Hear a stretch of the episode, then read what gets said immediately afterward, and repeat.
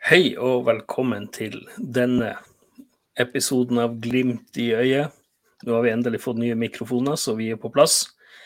I dag kunne ikke Parelius stille. Han skulle sikkert på fest i Tromsø.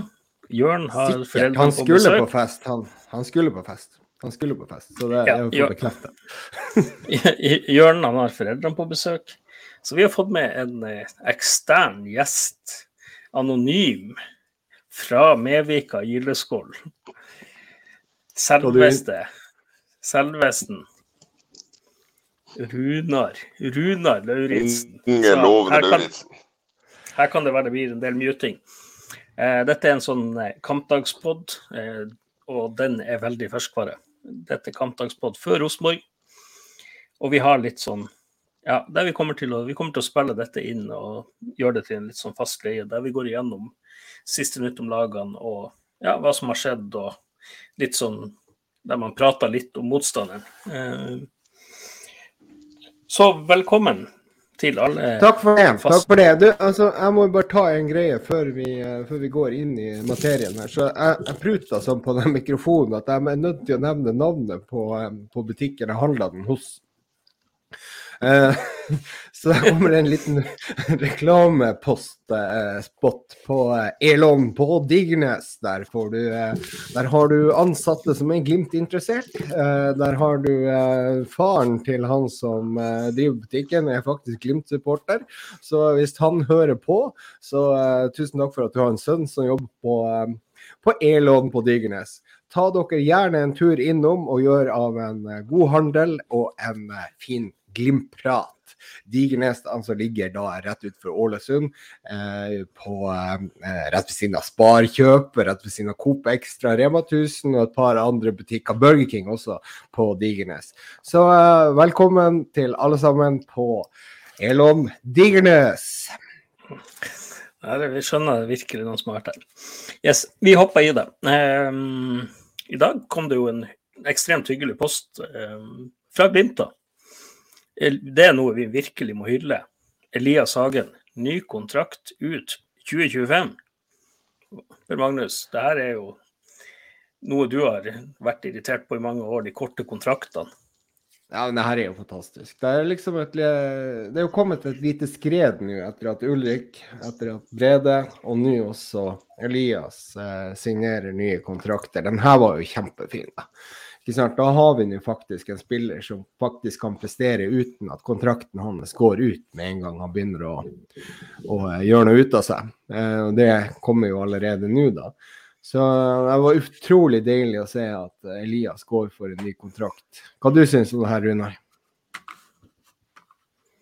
Eh, jeg vet ikke helt om jeg skal uttale meg. det, Ja, det det, kan- det er jo veldig bra at eh, Jo, jo, men jeg syns, jeg syns, det, jeg syns det er bra at eh, det var ut året 2025, hvis ikke jeg husker mye feil. Uh, det er jo ja, så det er ikke så veldig mye mer enn det som er gjengs. Eh, det er jo tre og to og ett års forengelse det stort sett går i. Eh, det er kun Ulrik som har virkelig har smelt på stortromma og kjørt med en femårskontrakt. Ja, men det, er jo- det er jo kanskje den lengste kontrakten i hele fotballverdenen. Så Det i, er Ulrik i mine øyne så syns de eh, lengste kontrakten i, Norge i hvert fall, men eller i, sånn, i Glimt i hvert fall på mange mange år. Men, men jeg syns jo at eh, jeg syns den er kort. For det er klart at presterer han i år, så er jo plutselig i 2023. Eh, men det er klart, da har han jo enda man tenker, Han har tre år igjen Ja, det er lenge. enda, ikke det? Så sånn sett så er det jo tre, nesten fire år, den kontrakten her. Ja. Nei, det, det, jeg syns det er faktisk en, en veldig offensiv og fin eh, signatur av Glimt. Og, eh, og da kan han jo eventuelt også gå for en god slump, hvis han eventuelt blir såpass eh, ivrig på å sitte på benken i utlandet i fremtida. Så Men Elias virker jo som en fyr som har lyst til å spille fotball, så vi anbefaler han jo faktisk å bli i Glimt til 2025, og gjerne forlenge etter det òg. Jeg har bare lyst til å nevne litt om Ulrik. Jeg hørte på den podkasten som Ulrik har med dem eh, Heia fotball. Ja, det er en nydelig podkast. podcast. Ja, må hylle den podkasten, for det er Norges beste, faktisk, uten tvil. By far. Um, der nevner han jo litt om, om, om uh, Hagen, at han er litt sånn fot fotballnerd. Som er uh, langt over gjennomsnittlig interessert i fotball. Og, og på en måte liker å dykke inn i sånn, litt sånn nerdete ting. Han, han sier vel at han er den største fotballnerden han kjenner. Um, så, så, eh, og det er egentlig litt over til et, et, annet moment som jeg har tenkt egentlig en del på i det siste. og Det er jo det her med uh, det her Knutsen sitt utspill i forhold til uh, valg av klubb. Um, ja. Og det du snakker om salg. Jeg, bare, jeg, håper vi kommer inn på det i løpet av podkasten. Jeg, jeg, har litt, litt tanker om det. Ja, du feel free. Vi skal ta det.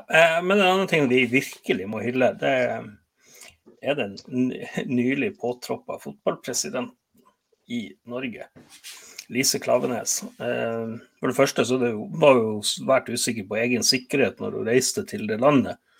Det sier jo litt. Ikke fordi hun er kvinne, men det er litt sånn fordi den hun bor med. Men hun kommer altså her med en tirade mot Fifa. Det er, står virkelig i respekt av det. Her kommer det nye kluter til. Dette er ikke noe gubbevelde. Hun går virkelig opp der og feier motstanderen av banen. Jeg tror ikke man har sett et så talentfull organisasjonstalent i Norge på fotballsida på Ja, jeg tror ikke det rett og slett finnes.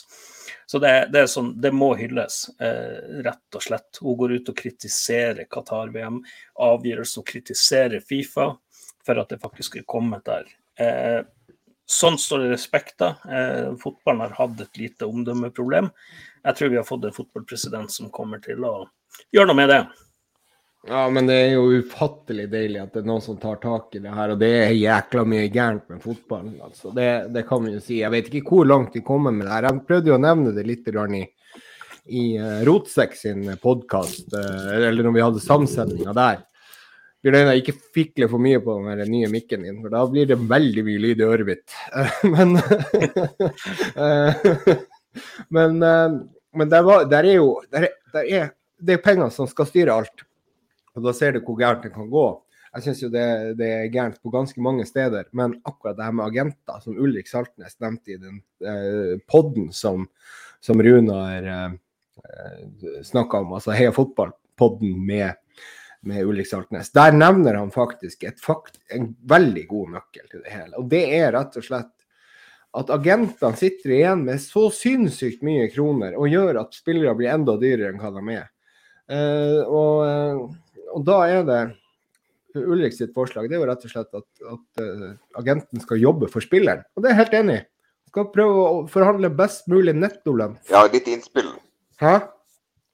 Ja, ja, at, at agentene får, at agentene får um, ja, Han nevnte jo at agenten burde jo egentlig få eh, altså netto lønn av det spillerne tjener. Ja, riktig. Da sitter jo med, igjen med en uforholdsmessig stor andel av, av overgangssummen. Ja, det er snakk om enig, er fullstendig sant? På Haaland sin overgang, jeg vet ikke om det tallet var riktig, men det er snakk om 200-300 millioner rett i lomma på agenten, om ikke mer. Om det var snakk om 800 millioner kroner eh, rett i lomma på, på Raiola om eh, Haaland bytter klubb. Hva faen er det som skjer? Hva er det Raiola egentlig gjør? Haaland selger jo seg sjøl. Han kan jo bruke faren som agent, om det Eller agent. Hæ?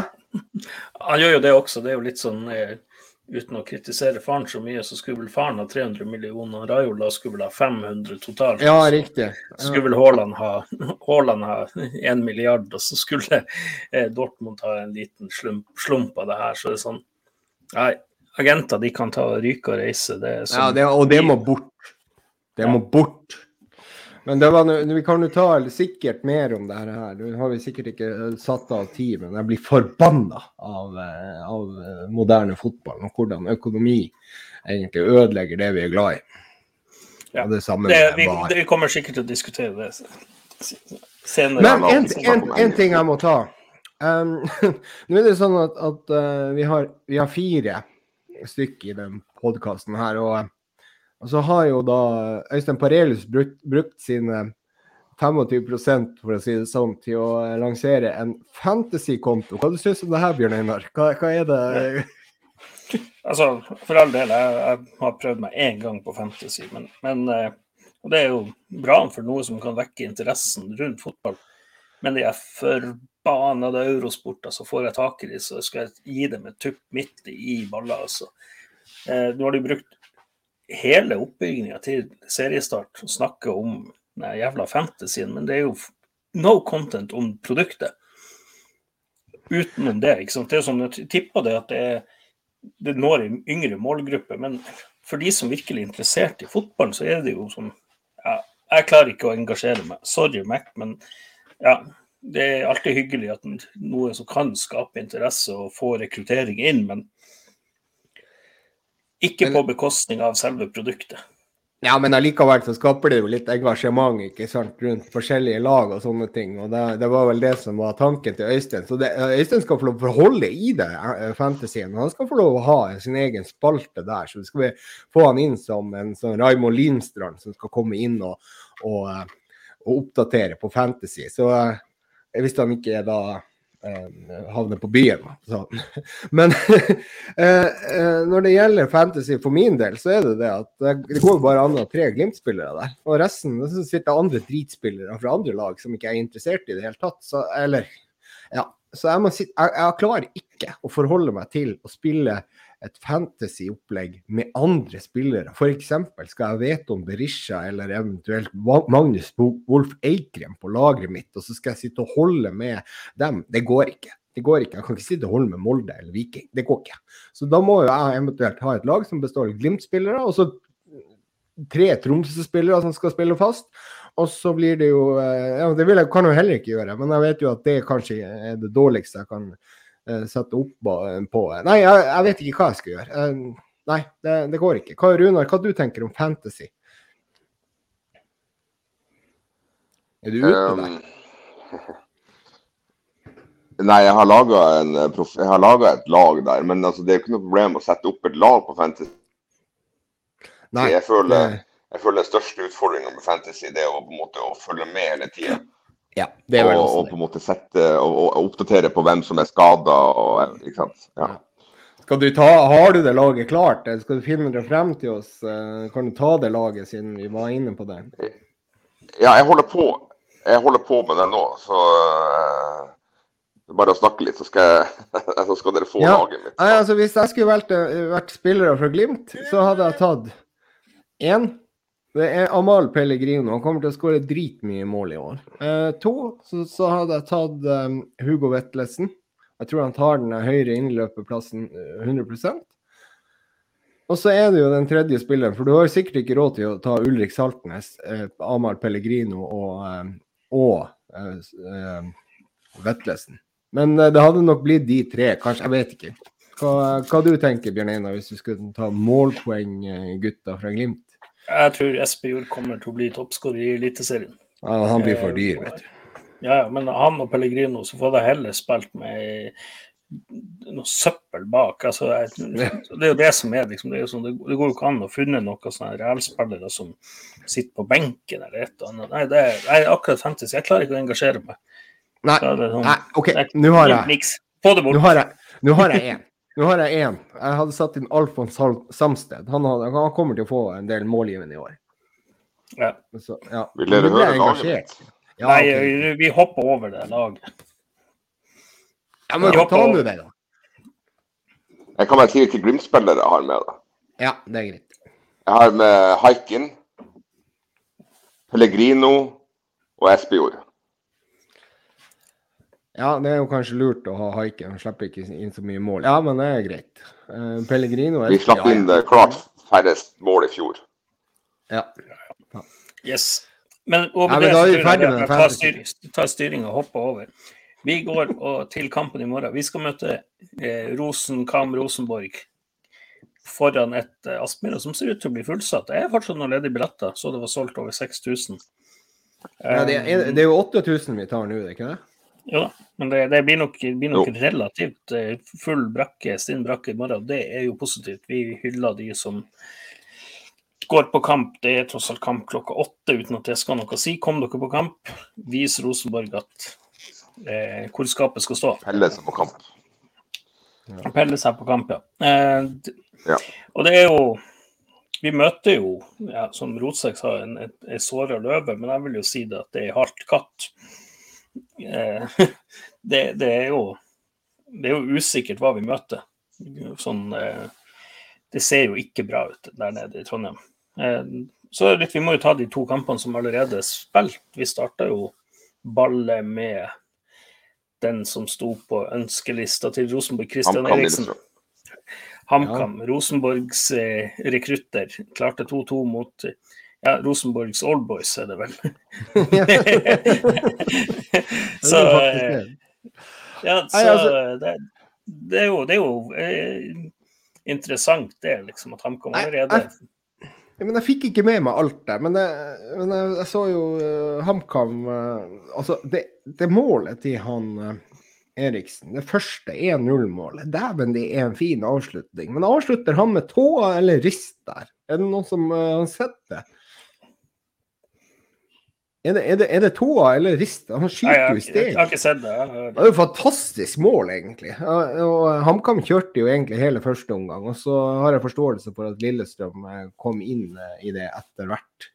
Men um, det er jo to lag som vi egentlig skal slå. Du vi ser jo egentlig Vi, vi slår Lillestrøm egentlig ganske greit 4-1 i cupen. Og de her to lagene egentlig ja, har hver sin omgang, da. Det som vi ser, at Lillestrøm Eh, tar seg sammen og får inn Pål André Helland da, på, på, uh, i andre omgang. Og det er visst utslagsgivende for den kampen her. Og så har du jo kamp to, da. Ja. Og det er Molde mot uh, Vålerengen. ja. Og da var det ikke 6000 folk. Nei, det var ikke mange der. Hvor mange var det der? Jeg vet ikke, men det kunne ikke vært mer enn 1000. Altså. Det var VIP-supporterne, og det var jo faktisk nesten flere enn hjemmesupporterne. Så det er kudos til dem som Men Jeg har et lite spørsmål. Litt spørsmål. Hvor, hvor, eh, hvordan telles til antall tilskuere nå? Er det antall solgte eh, årskort og sånn? Hvordan er det der? Jeg, jeg husker, men jeg husker at de gikk bort fra det. Jeg har ikke gjort det? Så det er reelt, reelt antall som kommer inn hver gang. Jeg har forståelse for at de teller med eh, sesongkort og pluss solgte billetter ved siden av. Okay. Um, så, så, jeg vet ikke hva tilskuertallet på Molde stadion uh, var i dag. Er det noen som kan sjekke det opp, Bjørn Einar? Er du på tråden der? Holder på, men det ser ikke Men, men en annen ting, så kan vi jo ta tilskuerne på, uh, på Briskeby, da. Og det var jo helt fantastisk. Jeg, jeg, må jo si det sånn at det er jo kudos til, eh, til Lillestrøm-supporterne. De har jo fått mye skryt for at de var 1700 mann, men nå er det jo bare 1 time og 25 minutter fra Lillestrøm til Hamar.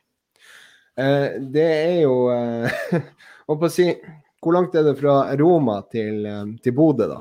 Eh, hvis du skal liksom si det sånn. Og vi var like mange Glimt-supportere der, så det er en helt annen kamp. Men Eh, allikevel så er det fint å se at eh, du har mange bortesupportere på, eh, på første seriekamp. Så er det jo det. Hvor er de andre hen? For det er så mange østlandslag som egentlig Når Glimt i sør reiser rundt, så er, så, så er vi ganske mange. Men vi ser jo det at, at på, eh, på bortearenaen, når østlandslag møtes, så er det på langt nær 1700 og den biten der. Så Lillestrøm er jo egentlig et, et av unntakene, eller LSK-fansen, Kanarifansen, er jo en, en av unntakene i forhold til oppmøte på, på ganske nære bortearenaer.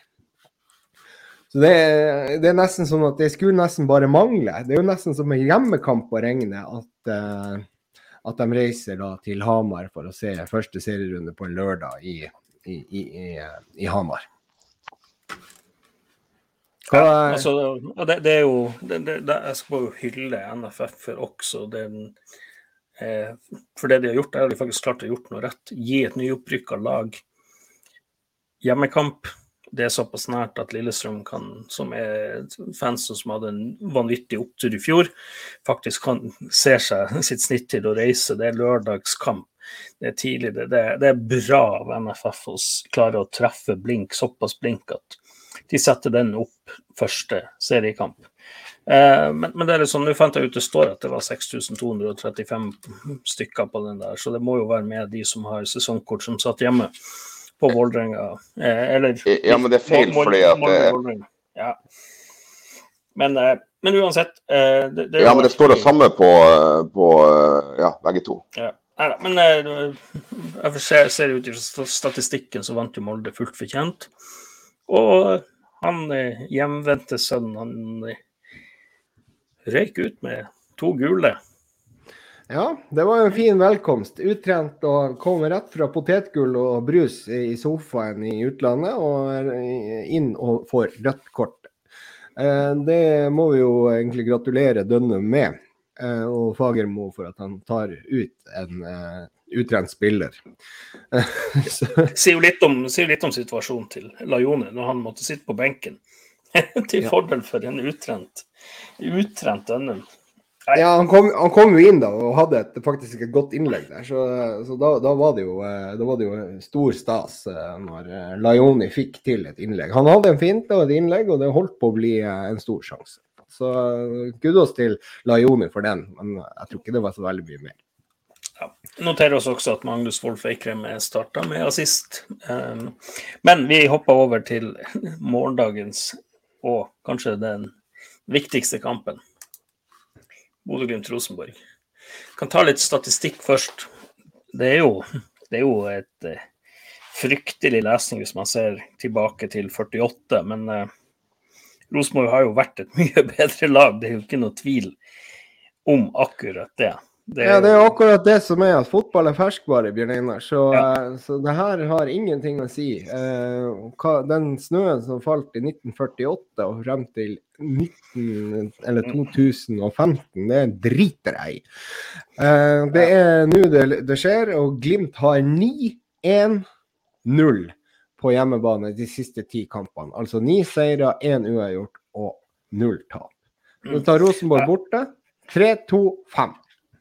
Ja. Så Eh, Men, men bare, bare for å se litt på det, så er det sånn at Glimt har vunnet sju ganger. Det er spilt 11 uavgjort og tapt 32. Så det, det er jo en, en vanvittig fæl statistikk. Men som du sier, helt korrekt, fotball er ferskvare. Det er sånn at på de siste fire så har vi jo ikke tapt mot Rosenborg. Vi har jo en vanvittig god statistikk, og i fjor var vi riktignok veldig uheldige. Veldig uheldige, for å sitere han Kent i den hjemmekampen der, som endte 2-2, der Rosenborg klarte å få med seg et heldig mål. Men sist gang vi tapte, var altså det 10.11.2019. Men vi vant jo også hjemmekampen i 2019. Glimt begynner å få et godt tak på Rosenborg når man ser etter opprykket. Det er sånn, ja, vi har tapt tapte bortekampen i 2018, men vi spilte uavgjort Nei, eh, tapte hjemmekampen, spilte uavgjort borte. Men etter opprykket så er det sånn, ja, nå begynner vi å ha et godt tak. Og så er det jo sånn, det må jo sies at vi har jo ikke tapt hjemme på Aspmyra siden Molle i fjor, når vi spilte han mot han Mourinho. Erling Mourinho. Og det, det er jo liksom før det har vi jo en vanvittig statistikk hjemme på Fort Aspmyra. Ja, Så- og så kan du legge til at uh, den formen som Glimt var i når vi tapte mot Mourinho, det, da, eh, da var ikke vi uh, Da var ikke vi på stasjonen i det hele tatt. Og fikk vel også skada Ola Solbakken i den kampen der. Så, eh, så vi, vi hadde litt uflaks der. Og, eller uflaks, vi var, vi var ikke i form. Så eh, etter det så har vi vært i form. Eller? Ja. Nei, og det, det, det ser unektelig bra ut. Eh, Dette er jo et, eh, et Rosenborg som ser ut som de leter etter gull, men det, for å si det sånn, det er jo ikke, ikke sånn ment at det er på resultatmessig, i hvert fall. De, de leter, de er på leiting, men det virker ikke som de lykkes. Ja. Nå skal, nå skal du bare Altså eh, Nå er man litt, kanskje litt for selvsikker. Og det sniker seg inn en følelse hos meg at eh, Rosenborg kanskje kommer til å komme ut med et, eh, et helt annen innstilling og et helt annet Kanskje de slipper opp på litt trening. Kanskje de har eh, fått litt overskudd. Jeg mener kanskje de har vært litt sliten eh, nå i de treningskampene. Og det skal man jo være. Så det kan jo være at vi får møte et uh, mye mer skjerpa Rosenborg, som både defensivt og offensivt sprudler mer enn hva de gjorde i de treningskampene, bl.a. 0-3 mot eh, Raufoss og 2-1-tap mot Tromsø. Eh, og der vet vi jo at Runar er jo Litt. Ja. og der er jo Runar brannfakkel på det. Ja. Kom igjen. Ja, nei um, Kjetil Rekdal, når han tok over uh, HamKam, så tapte de òg alle treningskampene før serien starta. Han tok jo over midt i. Ja, gjorde han det? Han berga. Jeg så en nemlig fra, Ja, jeg vet, uh, men uh, jeg så på sendinga, hvor var det på Eurosport? Det var der de kom inn og sa at han, ja, stemmer han tok over, men, men HamKam tapte i hvert fall alle treningskamper før serien starta. Mm. Uh, og endte med å rykke opp. Men um, ja. uansett Jeg tror Re Rekdal kom vel inn og berger dem. Det sies jo fra Trondheim at alle treningene ser bra ut. Mm. Han trener dem jo hardt, da. Ja. Uh, så, så det, det, kan være det at de slipper opp nå, og så får de ut et lite, ja. lite potensial her i, i, forhold til, i, forhold til, det som de har øvd på i, i uh, vinter. Med ny formasjon, 3-4-3, og, og i ja, så, så, har de heller ikke noen skader i laget som, er, som, er fall, eh, som vi klarer å se. Eller har du noe mer om skadesituasjonen til Rosenborg? Nei, Det var litt usikkerhet rundt han Noah Holm. Eh, ja. Men eh, han, han, ser ut til å bli klar. De mangler jo han der, Sam Rogers. Eh, han, han røyker ut med noe strekk ute. Så han er ikke klar. Eh, så på stoppeplass der er det jo sånn de kommer til å starte med han der landslagsstopperen, landslagsspissen mente. Han, det var den siste opptredenen han hadde, det var som spiss på landslaget. Og Det begynner å bli noen år siden. Markus Henriksen. Eh, så er vel Erlendal Reitan der, og usikkert den siste. Men eh, jeg blir ikke skremt av det Rosenborg-laget her. Absolutt ikke. Eh, det er sånn, De skryter veldig av Børkeie, liksom, at han ser bra ut på trening, men jeg tror vi signerte den beste, og det så jeg jo han Petter Tosterud i Eurosport hadde kåra Gaute Vetti til den nest beste signeringa i, i overgangsvinduet. Det var kun slått av Aron Dønnum. Ja, altså det, var det, jo no, det var jo noen som også kåra da Bjørk, Børkeie til årets flopp. Hvis de skulle ta og gjette årets flopp. Så, så var det jo da Bjørkeie som kunne bli årets enig. Uh, ja. og, der, og, der, er det jo vel idet han ikke klarer å ta plassen på sentralt midtbane. Er det riktig? Nei, jo, det, man har jo, Rosenborg er jo et lag med midtbanespillere. De har jo nesten bare midtbanespillere. Og det er jo sånn, Jeg er jo ikke bekymra over noe hold. Man har jo ikke bevist mye i Eliteserien. Han kom inn og ble sammenligna med Carew, og siden så har man knapt nok sett han. Han drev og slengte seg litt i noen kamper i fjor og ropte på straffe. Det er jo en, en mann på 1,90 og 100 kg driver og hopper som ei svane der. Det ser ikke bra ut. Eh, få det vekk. Eh, ikke ikke bekymra i det hele tatt, men det er jo litt sånn, man skal jo aldri undervurdere det at i en enkeltkamp så kan jo også Rosenborg gjøre det bra. Det er ja, men sånn, altså, ja, men, men, vi går jo inn som favoritter. Ja, Soleklare favoritter. Og Der har jo Rekdal også gått ut i dag og sagt at han, går, han reiser til Aspmyra for å vinne. Um, uh, og, og, hvordan skal han vinne, da? Skal han vinne på at han legger seg bakpå, at det mures igjen og at det satser på, på kontringer? Egentlig sånn som Hareide gjorde i fjor, da. For Jeg husker jo den kampen der. Der var det jo rett og slett at jeg syns Rosenborg skåra vel to mål på to målsjanser. Sånne store målsjanser. Jeg tror ikke de hadde noe mer. Uh, mens vi brente så det sang etter i den kampen der. Jeg syns vi spilte også god fotball mot Rosenborg i fjor. Men det går vel ikke an å sammenligne Hareide sitt Rosenborg med Rekdal sitt i det hele tatt. Så vi kan bare legge kanskje den kampen der bak oss. Ja, bare litt innspill på det. Jeg vil påstå at uh, Rekdal kanskje hakker bedre og vassere på defensiv organisering. Jeg er ikke så optimist som dere to. Jeg er rimelig sikker på det at Eh, han kommer til Aspmyra, og de legger, parkerer bussen. Uh, og det tror jeg kommer som uh, for så vidt at Glimt er forberedt Jeg tror kanskje Glimt er forberedt på det. Men uh, må dere huske at alle de kampene vi har spilt i Europa så langt, så er det ingen lag som har parkert bussen. Bussene. Lillestrøm parkerte kanskje bussen en liten periode, men så slapp de opp. Ja, ikke sant? Så for å si det sånn, så det her er første laget vi møter siden i fjor eh, som kommer til å parkere bussen. Og Det kommer til å sette Glimt på utfordringer som vi ikke har møtt på lenge. Ja, altså, Aset parkerte jo eh, for så vidt bussen på, eh, på Aspmyra. Eh, vi kan jo si det sånn at de var ikke så veldig interessert i å angripe. Så det kan, kanskje egentlig også Celtic på, på Aspmyra var vel også litt sånn ja, hva man skal si. De spilte litt sånn, Celtic spilte litt sånn som Aset, men de, de var ikke så Jeg vil si Aset var et bedre lag. Ja, men altså, Nå kan vi si det sånn at KBK og Sarpsborg er jo bedre å legge bussen enn Celtic var på Aspmyra. Så, ja. så, men, men, men allikevel så er det jo det. Hva, hva, er det det vi forventer? Forventer vi at Rekdal kjører kynisk buss? Uh,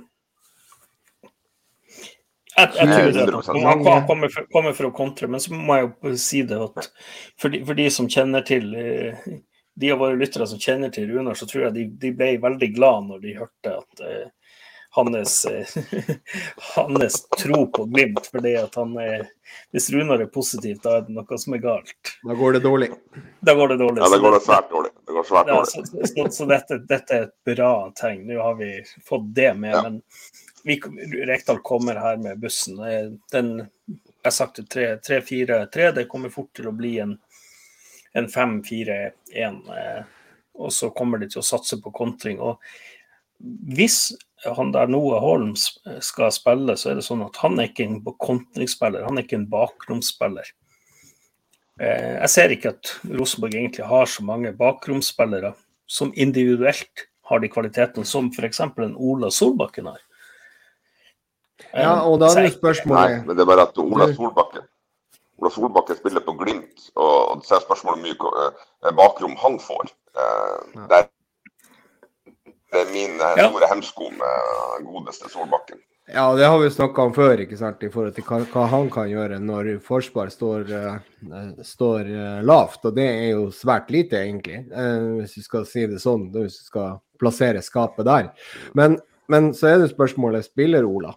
For at nå har ikke han vært på trening verken i dag eller i går, og han har vært på Lindmo eh, og så videre. Så han er vel i utgangspunktet veldig usikker til den kampen her. Det har vært liksom frem og tilbake igjen på han. Så det, det er nesten sånn at vi kan sette opp et veddemål her. Spiller Solbakken på høyrekant, eller er han ikke med i morgen? Jeg tror jo at han starta. Det... Føler han sjøl at han har ja. Jeg tror han starta rett og slett fordi at eh, han, han eh, trente alternativt ukene før, eh, før Aset, uka før Aset, når de var nede på hytta i Spania, som de kaller det.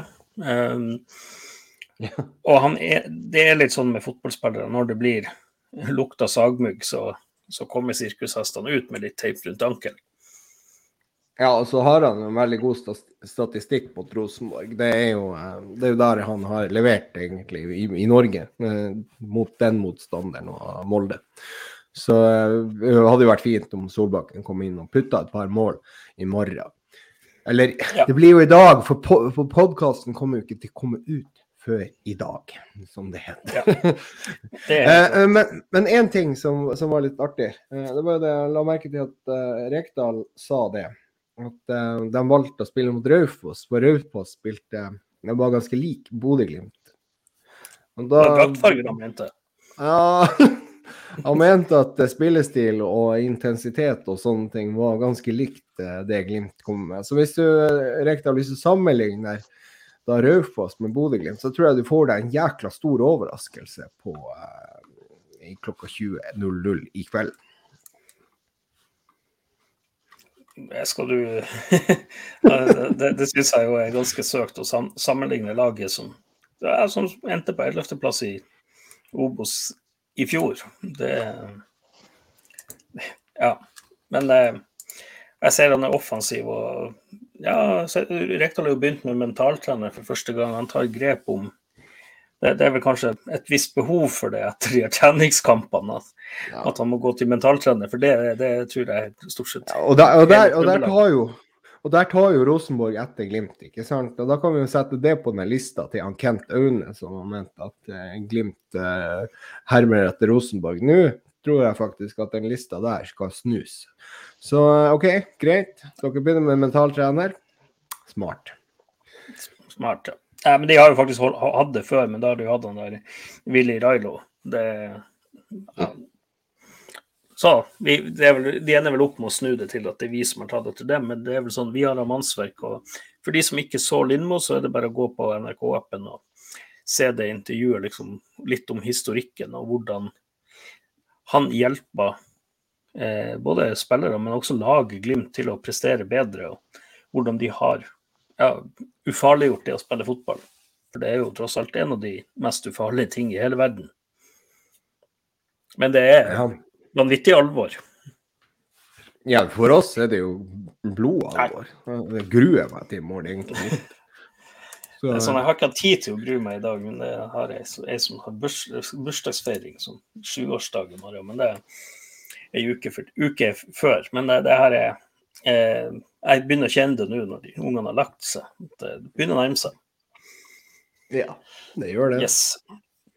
Så ellers, så da, da, for å ta lagene, så er det sånn at da tror jeg jo det at eh, ta, Vi kan jo bare ta Glimt. Jeg tror vi kommer med et relativt eh, kjent lag. Der mista vi Runar. Men det, vi får klare oss uten han. Han dukker kanskje opp her. Vi kommer Ja, opp med, med Bris på venstre. Nikita i mål, selvfølgelig. Eh, Bris på venstre. Alfons på høyre og eh, Høybråten og Mo i midten. Ja. Så tror jeg at eh, Gullgutten som har skrevet ny kontrakt, starter sentralt. Ja, men det, det kan jo være, ikke sant. Det kan jo være at vi får en liten overraskelse der. Det har vært tendenser til at folk har sagt at eh, han Vetti, Gaute Vetto, har vært enormt god på trening. Eh, så eh, ikke det at Knutsen bruker å bytte, men det kan ligge en bitte liten eh, overraskelse i lufta. Men den, den, er, den er sånn ca. 2% sjanse. Eh, bare, bare for å si det sånn. Det, en, det, det kan være en av de plassene vi kan få en bitte liten overraskelse på. At kanskje Vetti starter istedenfor Hagen i mål. Eller Dag. Nei, jeg- Dag. Jeg, jeg tror, tror ikke det. Og så er jo Ulrik og Hugo De kommer til å starte på de indre løperplassene. Ja, det er jo helt bankers. Og Pelle han er selvskreven på venstre, og jeg tror vi får se en ny, for anledningen nyklippet Runar Espejord. Ja. Nå har han Muligheten. gått, gått nå Muligheten. Det ser ut som at det var blitt noe sånn munkesveis her, så det er det er spennende eller å se. er det, var det en bollesveis, det her? Han har, han har jo langt hår i nakken ennå, da. Det var jo rett og slett Jeg tror det var det. Så, men eh, den sveisen der, den Altså, der skal du egentlig betale meg jækla mye penger for at jeg skal ta og kopiere akkurat den der. Den, den er Den er, den er blytung. Med mindre du, du liksom eh, setter deg inn i en Volvo 240 med laksetrapp, så Den Ja, du, må liksom, du må ha en Volvo 240 laksetrapp og sånn her revehale i og Wonderbaum i speilet. Og så er det høyrekanten, men jeg tror vi får se som er usikkerhetsmomentet. Det er det vel stort sett det jeg ser som er usikkerhetsmomentet. Jeg tror der at vi får se Ola Solbakken, og så får vi se om han spiller eh, 90. Det er kanskje litt mer usikkert, men jeg tror også vi kommer til å få se eh, ut endra kampbildet seg og si Rosenborg skårer og legger seg dypt, så kan, kan det være at vi kommer med Gaute Vetti kommer inn. Jeg tror også vi kan få se en Anders Konradsen komme inn her mot gamle lagkamerater. Ja, men Eh. eh, du, hvis vi tar den høyrevingen først, så er det jo da en sjanse for at Solbakken ikke spiller. Og da er det jo da Det er jo faktisk to som, som er aktuelle. Vi har jo, vi har jo egentlig tatt det litt sånn for gitt at det har vært, skal være skal være Komsom som kommer inn. Men eh, nå er det da bekrefta fra Glimt sine treninger at det er Sørli som spiller, uh, spiller høyreving på trening. Uh, når Solbakken ikke har, uh, har vært på trening. Så da kan det jo være en dragkamp mellom de to. og Da får vi en annen type spiller. Jeg tror faktisk at kanskje i Tippeligaen så vil jo Sørli være vel så bra som Solbakken i forhold til hans kvaliteter. Eh, men Ja, han har vært ute i et år, da. Det, jo, det finnes jo mange alternativ. De, det jo, kunne jo ha dytta Anders Konradsen inn og, på, på Vetlesen sin plass og flytta Hugo frem i denne kampen. Hvis Ja, men altså, Hugo, Hugo, er jo. Hugo er jo så bra som indreløper, og Ja, ja. forsvant litt på vingen når han prøvde seg der i, i, i høst, eller sommeren i fjor, så det var eh, da tror jeg ikke han kommer til å gjøre noe mer, mer endringer. Jeg tror det enten blir uh, Konsum eller eventuelt eh, Ja. han Ja, Sørli inn. Eh, Det er det vi tror om Glimt. Om godeste Rosenborg, så André Hansen står i mål, og jeg tror vi får se Erlend Reitan. Han skal få merke og kanskje angre at han dro. Ja, men det gjør han vel hver dag, egentlig. Ja, ja han er, virker litt bitter i det intervjuet. Ja, vi Vi får nok se han på landslaget heller. Nei, vi får se han Markus Henriksen om han holder landslagsnivå. og Så er det vel han, kanskje han der Vagic eh, som spiller på sida av han. Så er det nok ja. Pere- Pereira på venstre back. Jeg tror vi, vi Ja, og, og der er det jo, da, da er jo han en midtbanespiller, sant? Vi er enige om det. Ja. Ja. Yes. Og så får vi se eh, på høyre, høyreflanken der han er Adam Andersson. Og så var det vel eh, ja, Tagseth og Børkeier. De har jo de har jo mange alternativ på midten. Og så er det vel Noah Holm i og med at han er skadefri, og så er det på vingene der, der er det vel Holse og Vecchia. Men de har jo også den der dansken, så jeg, rett og slett Det kan jo være at de plutselig kommer i en helt annen formasjon med fem stoppere. Det, man vet ikke. Men eh, det er vel en styrke så Kjetil Knutsen har vært. Ja, men altså, sant, det en Det blir jo utgangspunktet en femmer bak, da. Sånn sett. Altså 3-4-3, men da vil du jo egentlig Altså da, da, da spiller du en 5-4-1-formasjon til slutt. Da Da vil jo ja.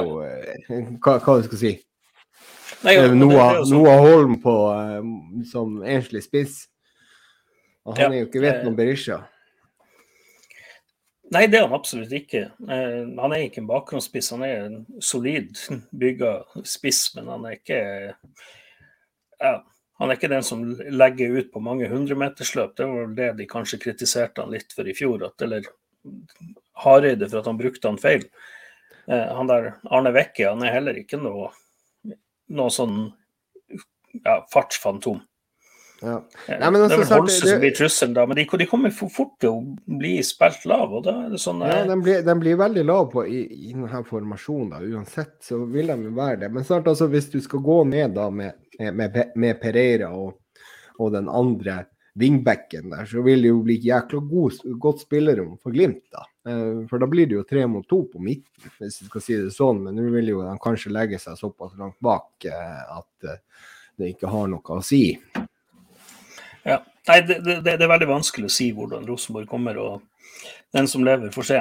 Ja, og i tillegg så Så vil jo baneforholdene være mye bedre enn på Lerkendal i, i desember, der hvor de skrudde av varmekablene, sånn at de skulle ødelegge den banen eh, for at vi skulle komme. Så de kunne få, prøve å få med seg noen poeng. Og det fikk de jo. Så gratulerer med det, Rosenborg. Eh, Vel utført taktikk. Jeg lå jo merke til at når dere spilte mot Godset hjemme, så var jo den banen helt pinna fin. Så det, det, var, det var jo spesielt. Litt konspirasjonsteorier, det er jo litt deilig. Men det er jo, det er jo morsomt nå at de skal spille på et ordentlig kunstgress, ordentlig underlag. Ja, Eh, de som er så opptatt av at det skal være gress. ja det Men, men. får de ikke Yes, helt men eh, da tar vi en liten runde her. Eh, Hvilke forventninger har dere i morgen? Dere har vel kanskje nevnt noe, men hva er det egentlig du forventer av kampen? Runar, skal du ta først? Ja, du kan få starte. Å, herregud, skal jeg starte? Nei, altså Det er sånn at, eh, som jeg nevnte litt, eh, de kommer jo til å De har sluppet på på treningene. De kommer til å komme bedre ut. De er mer forberedt. Men eh, det har de også vært i de treningskampene sine. Men jeg forventer ikke noen storseier. Det var snakk om 10-0 og alt mulig. Det var på TV 2 faktisk sporten. TV 2-sporten hadde en reportasje om, om Rosenborg. Men men det kommer at Jeg bare håper at vi spiller bare vårt eget spill, og det tror jeg Glimt kommer til å gjøre. Jeg tror ikke vi lar oss affisere av om Rosenborg kommer her og kommer der. Vi har slått hjemme, vi har slått Celtic hjemme, vi har slått Roma hjemme, vi har slått Aset hjemme. Jeg tror vi slår Rosenborg i morgen. Eh, og, så, eh, og, så, skal vi Sånne resultattips. Skal du ha det også, Bjørn Einar? Nå hører ikke jeg deg, så jeg tror du har kobla ut lyden. Ja, Men, Nei, vi, vi, må jo ha et resultattips òg når du først er i gang. Hva, hva tror du? Ja. Jeg kan ikke ta det samme. Nei, jeg kan ikke ta det samme. Altså, hva, hva, var det jeg sa sist, det husker jeg ikke. Men uh, med, med, det jeg har nå, så om, om vi, jeg, jeg, tror vi vinner 3-0. Skal vi si det sånn. Jeg, og, og, da, og, da, er det ikke noe sånn der helt fyrverkeri av en angrepskamp, men vi kommer til å ta dem på slutten. Eh, kanskje 1-0 etter første omgang, og så tar vi og skårer to mål på slutten. Og så, så safer vi det inn. Eh, eh, ja. Jeg tror vi kommer til å slite litt med å produsere enorme store sjanser. Ikke på dem, der hvor Rosenborg ligger bakpå. Det, er bare det, altså, det var en total gjetning av kamputfallet, men det er noe som jeg bare har en følelse av. Ja. Runar, skal du ta nå, eller? Ja. Nei, jeg håper på en god prestasjon. Ja. Da vinner vi òg. ja, men altså, jeg har hørt litt mye på eh, Glimt og på en måte alt fra Lindmo til eh, eh Heia fotball-podkasten med Ulrik. Og, eh, man kan jo ikke eh, unngå å bli påvirka av tankegangen. Eh, men eh, nei, jeg tror, eh, jeg tror dessverre det at den som skårer det første målet i morgen, kommer til å vinne kampen. Så får vi jo se. Jeg, liker ikke at de kommer til å legge seg bakpå. Så Nei, det er vanskelig. Skal jeg komme med tips, så tipper jeg 2-1 til Rosenborg. Oi! Nå blir i hvert fall jeg letta. Blir du, blir du henta inn i Rotsekk-studio neste gang? Nei, det tror jeg ikke. Skal du tippe på oddsen nå, eller? Ja. ja jeg, skal. Jeg, jeg, skal ikke tippe på Glimt. Er du gæren? Nei. Nei. ja. Jeg sjekka tidligere, du hadde rekordhøye 5-7 i, i 5, du fikk 5,7 pengene igjen på Ja, det er bare å satse. Det er bare å satse. Så, men altså, den gode prestasjonen, det er den jeg tror vi kommer til å gjøre, og det er den som kommer til å gjøre seieren. Og det sa jeg vel sikkert også i en oppsummering. Bjørn Einar, er, eh, er, du klar for å komme med et predictable uh, camp case? Eller hva du kaller det for? Jeg, jeg, tror jo det at eh, dette er en kamp Glimt vinner. Rosenborg kommer til å prøve seg på en Aset-variant, men de har rett og slett ikke kvalitet til det. De har ikke eh, den fysikken, den kapasiteten ennå, gjett, som det Aset har. Eh, de er ikke i sesong. De har eh, ja, Nå er de jo i sesong, da, hvis man kan si det sånn, men de er ikke på samme måte i sesong som Aset de har ikke hatt en, en, optimal oppladning. Det har vært mye her. og som sagt, jeg, jeg tror jo ikke på det 3-4-3 som en formasjon, egentlig. Eh, kan man jo gjerne ta diskusjon om at formasjon er gjerne bare tall på et papir, men, men det, det, er noe med spillemønstre, og jeg tror ikke Rekdal har fått etablert det ennå. Og så er det litt sånn ser det mange som har skrevet at de, de, er litt glad at ikke han Eriksen gikk dit, fordi at han, han virka sharp. Ja. Så. Han var Altså, hvis jeg skal beskrive Eriksen kort, så han var Wayne Rooney i norsk uh, målestokk. Altså det, det, var, det var en sånn Det er en sånn kraftbombe av en avslutter av rang. Han var krumma nakke og bare peisa på. Jeg skulle gjerne likt å ha han på høyrevingen hos oss eh, til sommeren. Fytte grisen for en god fotballspiller han var. Så ja. Der er, ja. Tror, bare flekk frem pengene.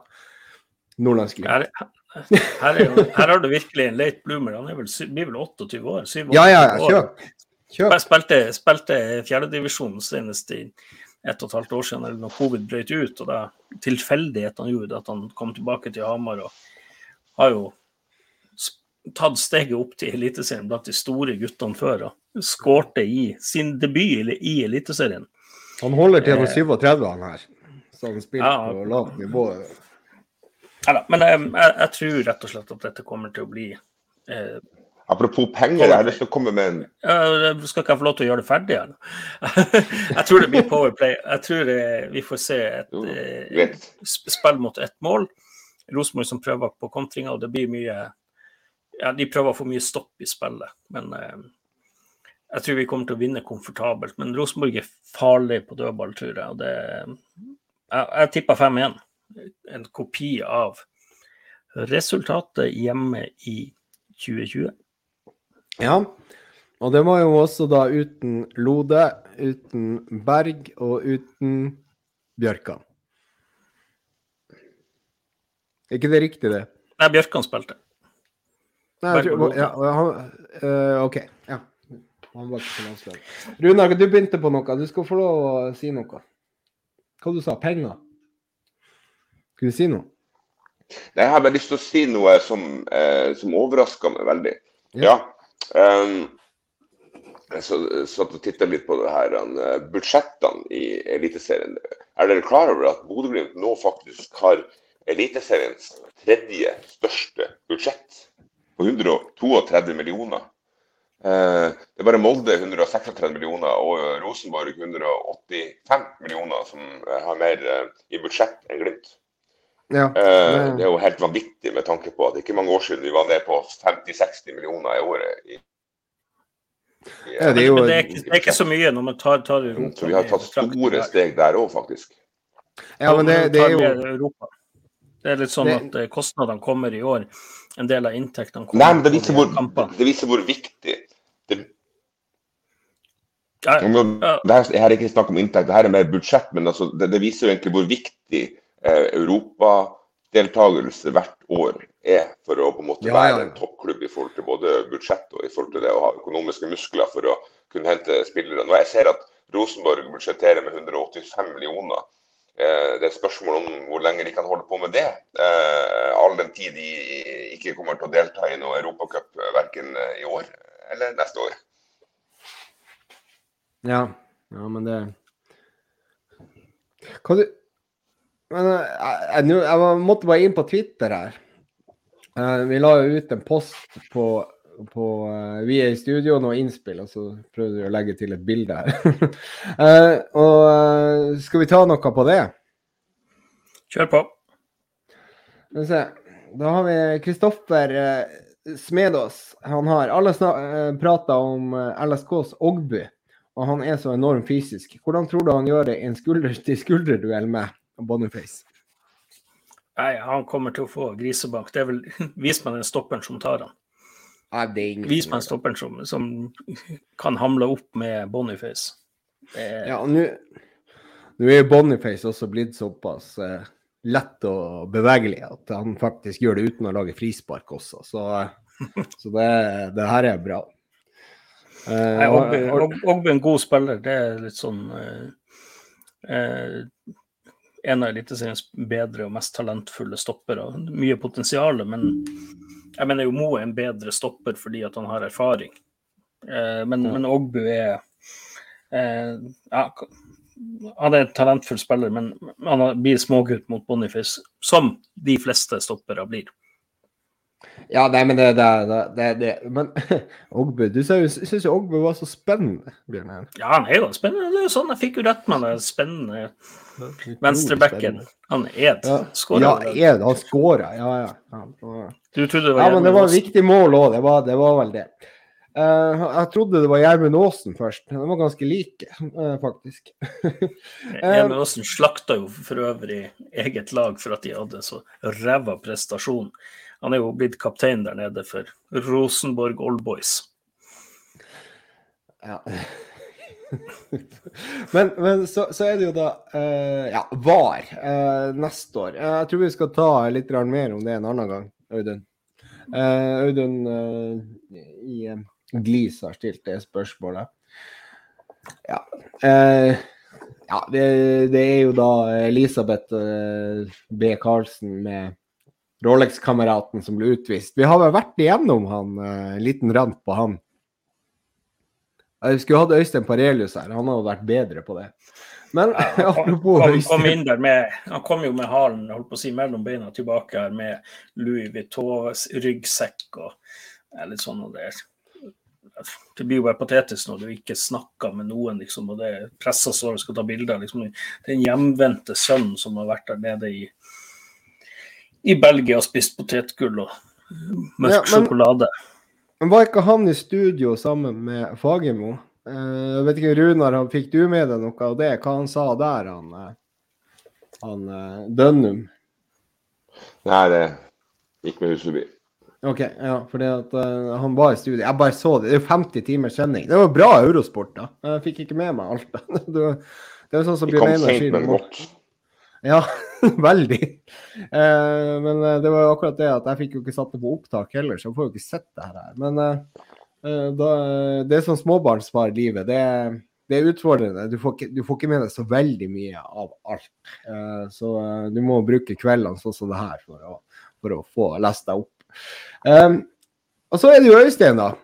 Han er han drikker døgnet rundt, og det er ikke sunt. Og i kveld er det jo da Vi spiller det her inn på kvelden, som jeg har gjentatt et par ganger. Det er lørdagskveld, og da er jo Øystein Parelius ute på nattelivet i Tromsø. Og eh, hvor er det han vanker hen der? Eh, var, det, var, det, på Paletten eller Rogers, eller hvor, hvor, hvor er det han går hen? Eh, ja, det er vel Hunt. Rorbua.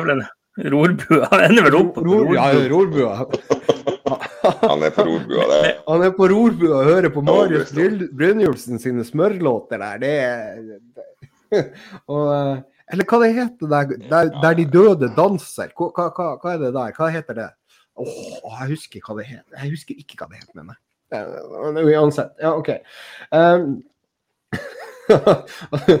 altså, hvordan går kampen mot Rosenborg? Det har vi jo svart på. Bjørn Einar, hva du, eh, du kan ikke med resultat, sa du det? Ja, jeg sa 5-1. Du sa 5-1? Herregud. Hukommelse som gullfisk. Her er jo ille. Uh... men, men, det her blir jo litt interessant. Du sa 3-0. Det blir jo en litt interessant greie når Øystein liksom bare han, Ravna kommer her og spør om han er ja. utestengt for han ikke har kjøpt ny mikrofon, og så viser han jo frem at han er jo den som har vært og revet ut noe ordentlige greier her. Det ser ut som to meter med mikrofonstativ og alt. Ja, ja, det er sånn at jeg, det blir jo jævla slitsomt å dra den der med på byen, men da, da spinner det jo litt sånn ut av all, all kontroll her, da. Så. Ja, men vi burde jo sendt linken til Øystein, så kunne han komme med her nå eh, på eh, fra Rogers eller fra Rorbua. Se for meg Øystein kommer, jeg heter Øystein, jeg driver en podkast. ja, ja, ja. Han får rabatt. Han får rabatt. skal, nevne, skal nevne deg nevne det. Står med mikrofon her, liksom. Gutten må få lov å kose seg. Men det står, han spør hvem som er mest undervurderte spiller i Glimt. Er det, er det, noen som vi undervurderer her? Men jeg tror den som Det er jo blitt den som snakkes av Elias Hagen, men det jeg mener jo Alfons Samsted er den mest undervurderte, fordi Ja, men han får jo den, den der hver gang. Nei, nei men altså. ikke, altså, det som er at Samsted han får litt for innsats, men han, hvis du ser liksom statistikken, hvordan Samsted har utvikla seg som fotballspiller, ja, så er det sånn at ja, han er ikke en målskårer fra backposisjon. Han er ikke en sånn si, en moderne, har ikke vært en moderne back som kom seg rundt og la crossere liksom, fra, fra midt på motstanderens banehalvdel. Men han er, han er, på tur dit. Og, og det ja, syns jeg er veldig gledelig å se. for det, og det, det har vi jo sett nå det, det, har vi sett nå i vinter. Uh, ja, det begynte i fjor. Det begynte i fjor. Han, han... Men altså, altså det, er jo, det, er jo, gått sport i å si at uh, Alfons Samsted er Glimts mest undervurderte spiller. Uh, det sier jo de alltid på TV, ikke sant. Så, uh, så jeg tenkte jeg skulle bare Jeg begynte å tenke litt annerledes akkurat nå, da. Det går jo fort tanker i hodet oppi her. Tenk til Brede Mo. Hvor mye egentlig Mo, eh, ros får han? Altså, jeg syns jo han i Han er jo definitivt Eliteseriens beste stopper. Han, han må jo være det. Altså, her har du og egentlig også Marius Høybråten i samband, har jo de gjort en vinter som har vært helt enorm. Men Brede Mo har vært god i veldig mange år. Så, så der, der syns jeg det er en eh, Skal vi si at han er en undervurdert spiller? I, I den grad noen har undervurdert noen i Glimt, så er vel kanskje eh, ja, klart, Høybråten er jo så å si ny på laget. Ja, han spilte mye i fjor fordi at det var en del skadeproblemer. Han, han leverer alltid innsats, som vi har sagt tidligere, gjør det bra. Samsted ja, han har fått begynt å få skryt for Eh, den utviklinga han hadde. Eh, Brist kom jo inn og viste X-faktoren sin farta, ikke pasningssikkerheten. Men ja, Brede Mo er nok kanskje en av de som er mest undervurdert. Og det er det samme som alle liksom var så bekymra for at når Patrick Berg dro Men Elias Hagen er jo han er jo ikke undervurdert. Han, han er jo ikke det. Han er jo en, en vist seg å være en en topp, topp spiller. Litt å gå på det defensive i forhold til Patrick, men han er en vanvittig god fotballspiller. Ja, ikke sant. Nei, men det, eh nei, ellers eh, Men på benken, da, er det noen som er undervurdert der? Skal vi, skal vi begynne, begynne, å ta der noe? Er, er Morten Konradsen en som vi skal dra frem? Morten tror jeg er en viktig eh, en viktig squad-player, en viktig del av, av stallen. Men, men, jeg har litt sånn også tenker sånn En ting som ikke har vært snakka noe særlig om, eh, og det, det, er ikke en spiller, men det er en, eh, en som har fått fast stilling som assistent nummer to. Robert Hauge. Eh, Morten Kalvenes. Det er som, de, de, er jo ofte i, i bakgrunnen, men det er dette er jo spiller, eh, trenere som har jobba lenge med Kjetil. Eh, yeah. og Robert Hauge var jo hjelpetrener i Brann mm. under Lars Arne Nilsen. Eh, han har jo vært én trener, eller hatt én kamp som hovedtrener og 100% seier borte mot Molde, faktisk. Så kom jo Kåre inn, og det virka jo som at dette ikke funka. Eh, så det var et eller annet sånn eh, brudulje der, da. Eh, skjebnens ironi at Kåre Ingebrigtsen er den som sørger for at en mann får sluttpakke. Men eh, han begynte jo da Kjetil henta vel han til Glimt, og sånn, var vel litt sånn speiderapparat-overgang der. Men nå er han altså blitt hjelpetrener fra i vinter av, og det er litt sånn Det å ha ja, flere øyer, gode øyne med personer man stoler på, det tror jeg er viktig. Ja, nei, tror... altså, de, de, skryter mye av, av Hauge. Så, så det. Det er jo også en som kanskje bør få mer rampelys. Så, så, det er litt sånn du har tre trenere som alle sammen egentlig har måttet gått fra Brann. Ja. På hver sin måte, da. Og hvor er Brann, hvor er Glimt? ja, men det, det, handler om å havne i rett klubb, med, og ikke minst uh, havne i det rette teamet og de rette samarbeidende partnerne, og kanskje også ha en liten prat med Bjørn Mansberg. Eh, men du, eh, Runar, har du noen som du kan komme på som ikke snakker så veldig mye om i det Glimt-laget vårt? Mm.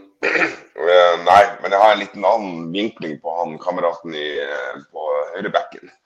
Jeg så nemlig han der for en, en fyr som jeg syntes gjorde seg fryktelig bort på TV. Han der den modeste Stig Torbjørnsen, agent eh, fra Sverige. Norsk ja. sådan. Klarer ikke å uttale Bodø-Glimt som Bodø-Glimt, men det er å gjenta at eh, Bodø i Bodø, klubben Bodø, gjentar det antall, x antall ganger, så jeg klarte nesten ikke å få med meg innholdet det han eh, prøvde å formidle på TV, så jeg holdt på å klikke. Jeg var vidt ikke sendt eh, klage til Eurosport. Men eh, nok om det. det. Egentlig det som var interessant med det han kom med, det var litt i forhold til eh, Han var jo i, i klubben når, eh, når eh, Samset var i Sverige. ja, riktig.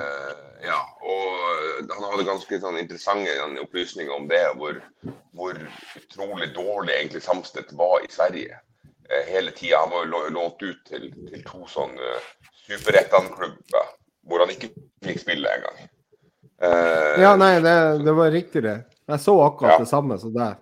Han var og, Ja, du gjorde det, ja, ikke sant.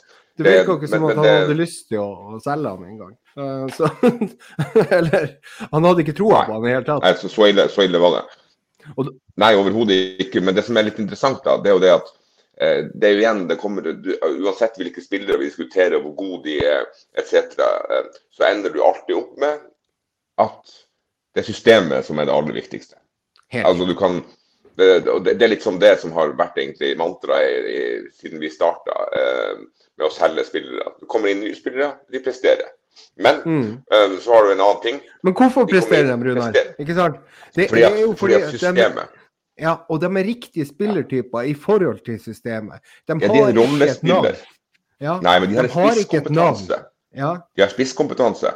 Ikke sant? Ja. Akkurat sånn som uh, at de har spisskompetanse. De har noen ting de er ekstremt gode på, som de dyrker. Uh, og får lov å dyrke i systemet til Glimt. Så Det er derfor de kommer inn. ikke sant? Og Det er også mm. litt problemet. det da Du ser da Solbakken, som er en utmerket rollespiller i systemet til Glimt. Det som skjer med noen av de her, det er jo det at de tenker jo det at oi, vi presterer kjempebra, så blir det solgt ut, og så faller de gjennom. Um, jeg har ganske mange eksempler på det eh, kontra spillere fra Glimt som blir solgt ut av Norge, som lykkes som spiller på fast på laget. Se Patrick Berg se, ja, eh, se eh, han godeste eh, Bjørka. Lode. Bjørka. se Lode. Ja, de har gått til sånn bob-bob-klubber ute på kontinentet. Tjener sikkert fett med gryn. De får feite bankkontoer. Men de, mist, de, mister plassen på landslaget. Men, og de presterer mye dårligere. De spiller mye dårligere fotball. De får jo ikke spilt fotball heller, for så vidt. Ja? Og så, så, så det er litt sånn tankevekker. Så kommer du tilbake igjen til Norge, så får du rødt kort i første seriekamp mot, uh, ja, mot Molde. Ja, ikke sant. Så ja. det er jo Det er jo helt Det, det, det, det gjelder jo ikke bare Glimt, Men, men, men allikevel så, så du, kan liten, forstå du kan jo forstå en spiller som tidobler lønna si. Eh, hvis han Ja, jeg har ikke noe problem med å forstå det i hele tatt. Men det men det var, de tok faktisk opp det her i Eurosport-studio. tok opp det her at På sikt så kan det her faktisk medføre et lite problem. Hvis spillere som går fra Glimt eh, for høyere og høyere summer, ikke lykkes ute i Europa, så vil jo etter hvert klubber legge merke til det. Også her Glimt har solgt ti spillere. Alle har endt på benken eller blitt leid ut eller lånt ut eller ender med å komme, altså reise tilbake til Norge etc. Ja. Så, så, det er en liten, eh, liten hemsko, det er en liten sånn brannfakkel der, altså. Ja, det og, og, og det, ja. det er litt sånn, jeg, jeg har lyst til å igjen nevne Håkon Evjen. at uh, ja. Det er litt sånn Ja, det var rett av Glimt å selge han, men nå tror jeg det er rett av Håkon å komme seg bort derifra. Uh, altså, Håkon Evjen visste mye ting også mot Glimt. Men, men, det er klart at han får ikke ti muligheter å prøve og feile på ni før han lykkes, ikke sant? Det er før han blir bytta ut. Eh, og det, er jo kanskje det som er at du, du må lykkes å prestere mye bedre jevnt over. Men man har jo eksempler på andre spillere. Vi nevnte jo eh, at Molde når vi, i forrige podkast at Molde har solgt det som er i hvert fall norsk statsborger, Norges beste høyreback, i Holmgren Pedersen. Og tenk deg her, det er en spiller som Tromsø nesten ikke ville satse på. Kom til Molde, ble satsa på. Og så ser du nå at han har tatt grep og det, det, krever jo noe, for nivået er jevnt over mye høyere.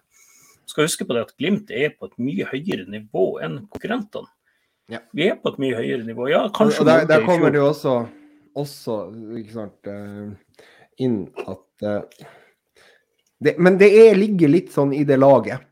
Eh, og, og, det, og det, er, det, er, den rette typen i den riktige settinga, ikke sant? Og det er derfor Glimt presterer bedre enn f.eks. av Vålerenga, som kjøper inn stjerner som ikke får dem til å tilpasse seg. ikke sant? Men Lajoni hadde passa bedre i Glimt enn hva han gjør i Vålerenga. I, I, Glimt hadde han faktisk vært en god spiller, spiller som hadde eh, gjort eh, like bra innsats som eh, f.eks.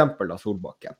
Så, Og så et punkt til, ja. og det har handla om tillit. Eh, det er jo um, en ting som man også glemmer litt. Husk på det at uh, Knutsen kjører jo Hvis han får lov, så kjører han samme laget hele sesongen. I alle turneringer. Og det handler jo Ja, om men litt det- sånn tillit, litt sånn forutsigbarhet. Så det, Men det det, er litt sånn at hvis du som, som Solbakken eh, presterer ja, Ja, nei, altså sant, det, det er jo akkurat, det er akkurat sånn sånn som du sier det, men, men, men, men eh, det er ikke sikkert at han kommer til å gjøre det i år. For nå føler jeg at den benken er så jækla bra at han kan rullere. Og vi kommer til å ha mange kamper. Og det er ikke sikkert han kommer til å kjøre de samme elleve. Jeg har litt sånn følelsen av at de kommer til å rullere litt mer. Du kan liksom ikke la Anders Konradsen som sitter på benken en hel sesong. Eh, og det er det samme med, med Fet, ikke sant. Og, og, og eh, hvem du ellers har, ikke sant, som er veldig i uh, skorpa der. Jeg tror jo også han Sjø, Sjøvold kommer til å komme inn uh, og gjøre det veldig bra. Han lanserte nå han Jeg tror han Jeg tror Knutsen, så langt det lar seg gjøre, kommer til å, å, å kjøre samme laget. Men siden vi skal altså, litt i forhold til eh, skader og sånt, så jeg tipper han eh, kanskje i enkelte turneringer, så eventuelt at i cupen at han Nå er vi for så vidt eh, bare i en cupkamp igjen, da, men eh, det er jo egentlig første gang vi har sett han rullere noe særlig på laget der mot Lillestrøm. Han bytta jo en del spillere fra, fra AZ-kampen, eh, naturlig nok. Men jeg tror personlig så tror jeg han kommer til å fortsette på den der.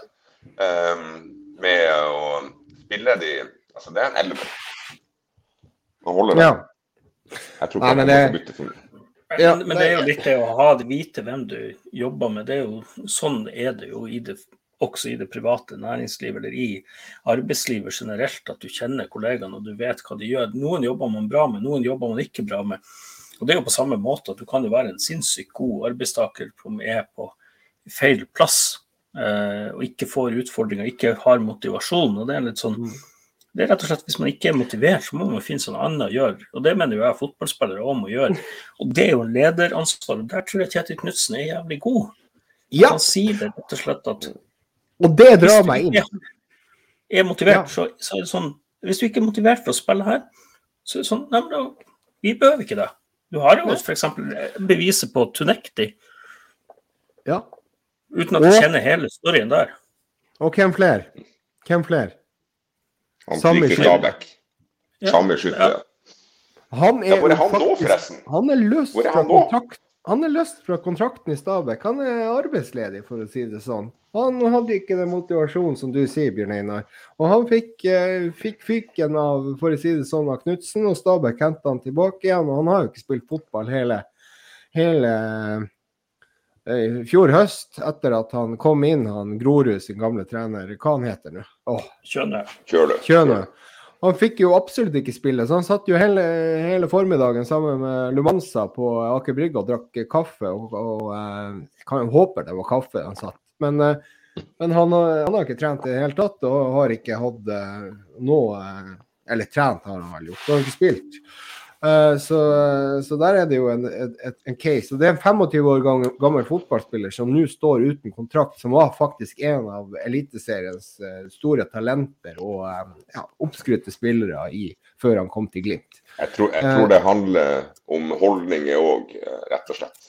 Ja, Han hadde rett og slett feil så, så, holdninger. så alle som ønsker Ja, der, der er det i hvert fall en spiller som eh, har uten kontrakt, så han kan vel hentes. eh, Så Tromsø.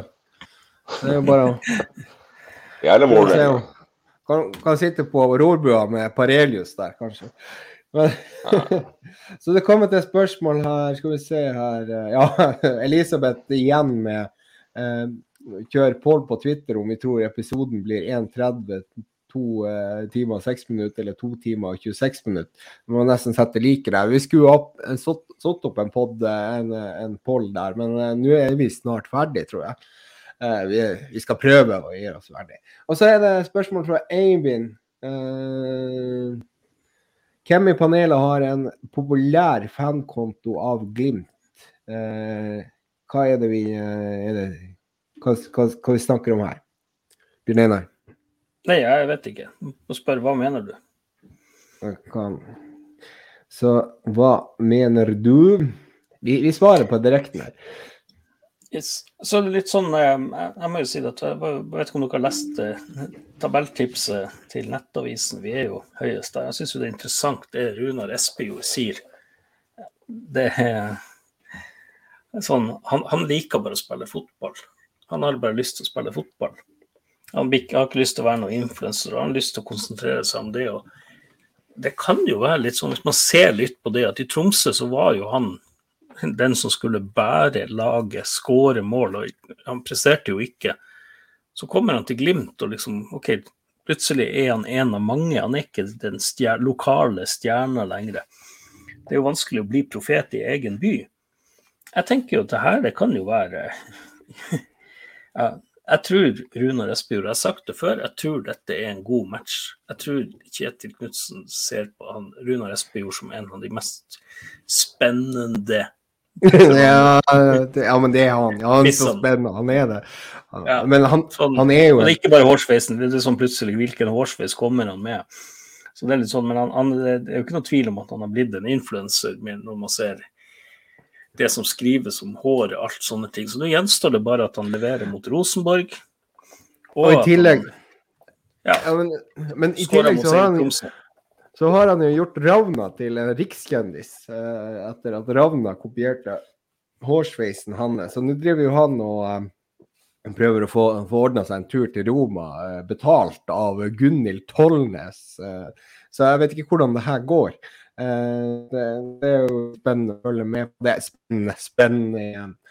Eh, men eh, jeg har også lyst til å si at det er noe som sjeldent som så sjeldent som skryt fra J-feltet til Glimt for Glimt-showet i, i dag. Eller i, for, i denne uka. Og der har faktisk Glimt J-feltet vært ute og syntes at det var bra. Så det er veldig bra J-feltet at dere ikke bare klager på Glimt, eh, dere faktisk også gir skryt. Takk for det, eh, må jeg faktisk si. Og så, og så kommer spørsmålet fra, fra Jørn, som er eh, som er i da familieselskap. Eh, og da spør han Bjørn Einar, her må du hjelpe meg.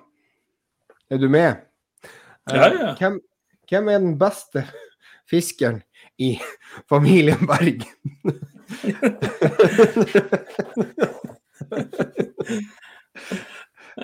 Skal vi være den eneste podkasten som ikke snakker om fiskinga til familien Berg?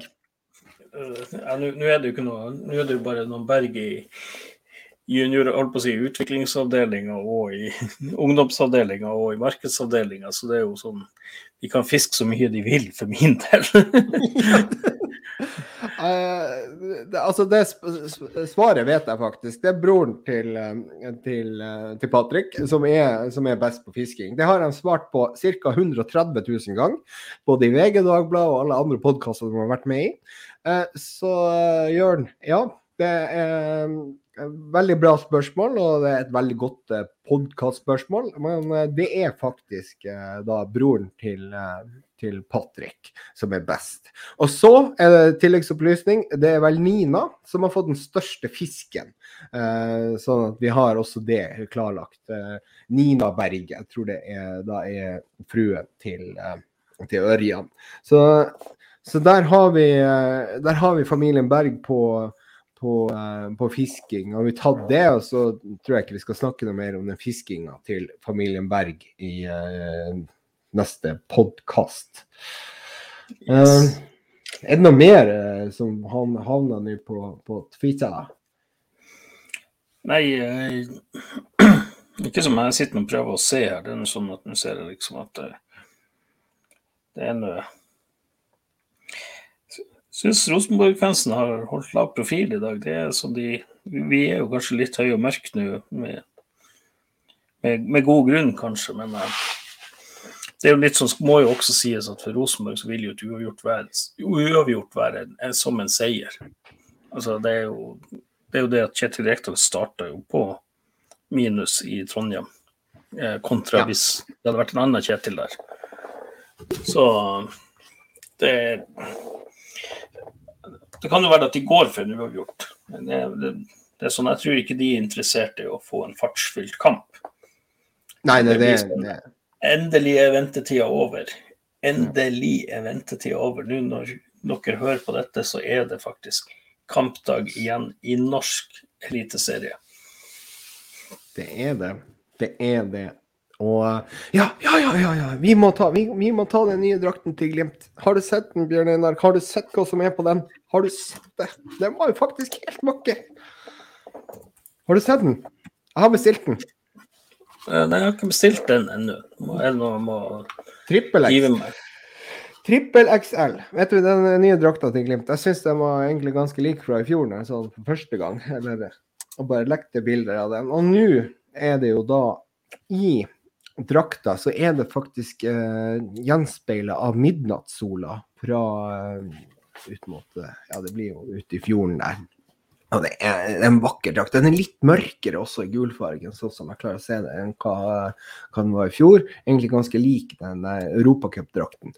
Og bak, på den Action Now, så har de faktisk tatt bort nå eh, eh, den fargen. Sånn at egentlig alt av farger er svart. Eh, som er, alt utenom gult er svart. Så den nye drakta, den likte jeg veldig, veldig, veldig godt. Eh, og den har jeg lyst til å eh, applaudere til. eh, det er ikke veldig mye endringer. Nå er fortsatt den fisken der fremme som er kanskje litt for stor. Men, eh, men der er det også snakk om faktisk at neste år så skal Bodø Energi sin reklame være lyspærer. Og, og altså i forhold til bærekraftmålene. Og at, eh, at eh, altså bærekraftsymbol og den eh, logoen til Sparebank1 skal være da økonomi i forhold til de bærekraftmålene. Så bare se, det er litt sånn den, akkurat som den der bærekraftdrakta de hadde i 2020, tror jeg var. Eller 2019. Eh, Så det er vel det, det som var planen. Men allikevel, den drakta oh, Det er bare å bestille. Det er bare å bestille. Og så må dere dra på Aspmyra. Du må ikke dra på Aspmyra i dag. De som ikke drar på Aspmyra i dag, de har ikke hele muligheten til å bli med i trekninga av de billettene for eh, Roma-kampen. Så eh, der er 1920 billetter igjen, eller 1916 er det?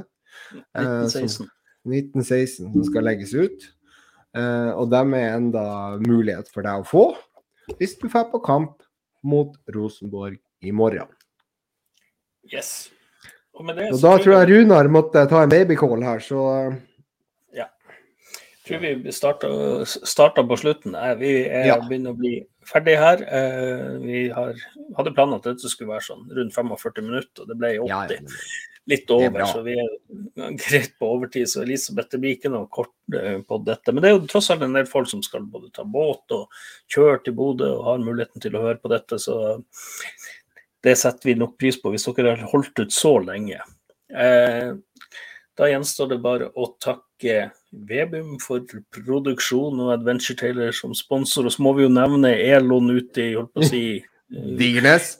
Digernes for å ha gitt Per Magnus en heftig rabatt. Jeg fikk ikke det her, så hvis noen som har lyst til å sponse med en, eh, en enda bedre mic og kanskje et headset, for det her er noe jeg har bøffa på jobb, og de er utslitt. Det, er- man blir svett i ørene av det, så er det bare å ta kontakt.